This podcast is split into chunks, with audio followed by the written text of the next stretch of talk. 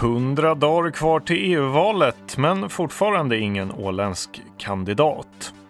Jeanette Korse blir ny VD för Ålands Försäkringar och landskapet upphandlar flygtrafik till Sverige. Det här är rubrikerna i Ålandsnytt fredag. God morgon! Ja, det är hundra dagar kvar tills EU-valet men ännu har ingen åländsk kandidatur offentliggjorts.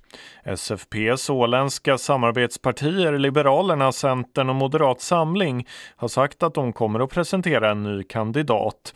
Det här efter att Ålands riksdagsledamot Mats Lövström drog tillbaka sin kandidatur. Men vem det blir och när det sker är ännu oklart. Så här säger Liberalernas partiordförande Katrin Sjögren. Jag skulle vilja påstå att det går, går framåt och vi diskuterar olika upplägg och vi diskuterar samarbete med, med Svenska Folkpartiet och hur man ska lägga upp eh, hela valkampanjen och, och så att ja, det går framåt. Exakt hur avtalet eller överenskommelsen mellan de åländska samarbetspartierna och SFP ska se ut har ännu inte slagits fast.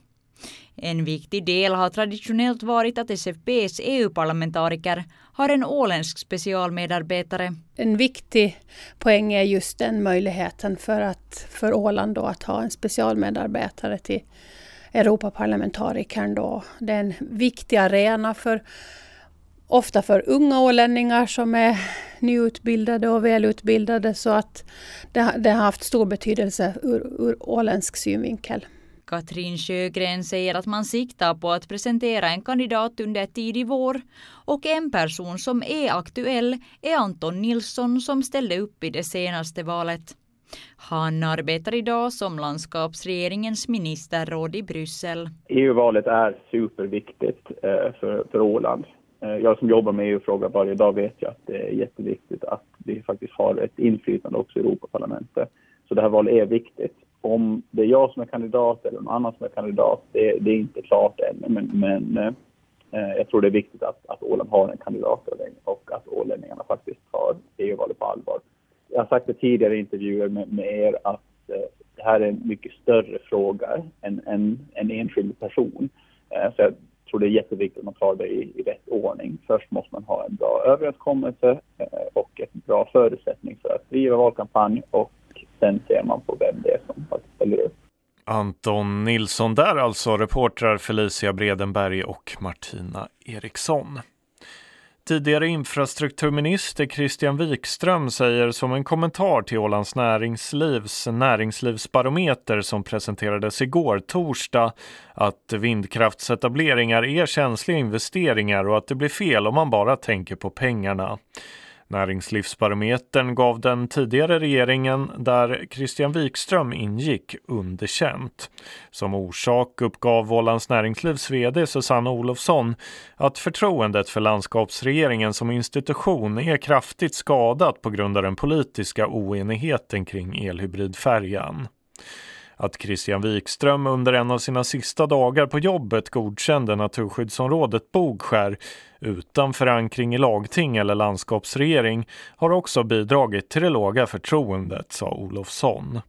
Wikström säger att man då man tar del av Näringslivsbarometern måste ha i beaktande att i Ålands näringsliv sitter representanter med kopplingar till vindkraftsindustrin.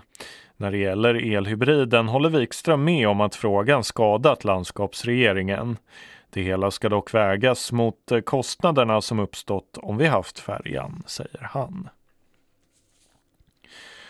Jeanette Korse är ny VD för Ålands Försäkringar. Det meddelar moderbolaget Ömsen i ett pressmeddelande.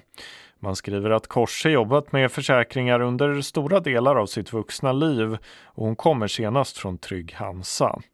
Hennes uppgift är att öka Ömsen-koncernens tillväxt utanför Åland.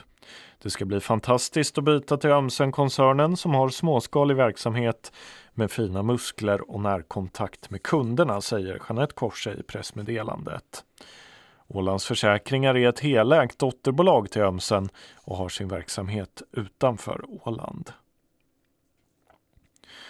Nu bjuds flygtrafiken mellan Mariehamn och Stockholm ut för en ny period som sträcker sig till 2028.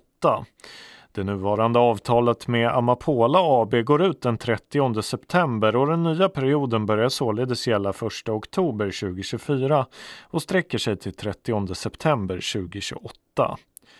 Den som eh, tar hand om flygtrafiken ska enligt landskapsregeringens upphandlingskrav flyga Mariehamn-Stockholm minst två tur och returavgångar varje vardag och en tur och returavgång på söndagar.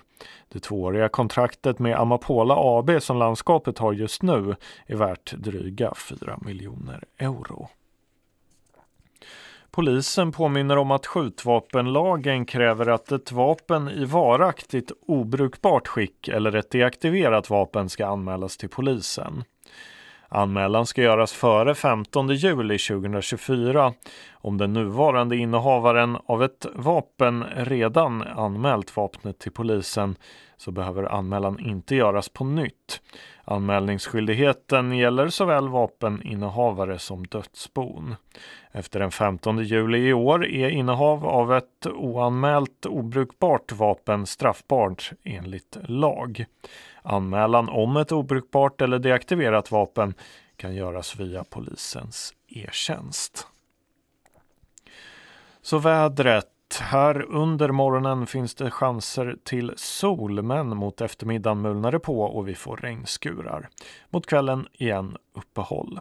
Temperatur mellan 2 och 3 plusgrader och vinden den är till en början sydlig kring 8 meter per sekund. Mot eftermiddagen tilltar vinden en aning och vrider åt sydost. På norra Östersjön, Ålands hav, Skärgårdshavet och Södra Bottenhavet sydlig till sydostlig vind 8 till 12 meter per sekund. På Södra Bottenhavet fram till ikväll upp till 14 meter per sekund. Till en början lokalt eh, dis annars mest god sikt. Så morgonens väderobservationer kvart över sju. Det blåste sydlig vind på alla stationer. Ute 9 meter per sekund, 1 grad. Kumlinge 7 meter per sekund, 2 grader. Nyhamn 11 meter per sekund, 2 grader. Märket 12 meter per sekund, 1 grad. Och här i Mariehamn är det just nu 3 grader. Vattenståndet vid mätstationen i Fögle var kvart över sju, fem centimeter under medelvattenståndet. Det var Ålandsnytt. Jag heter Axel Eriksson.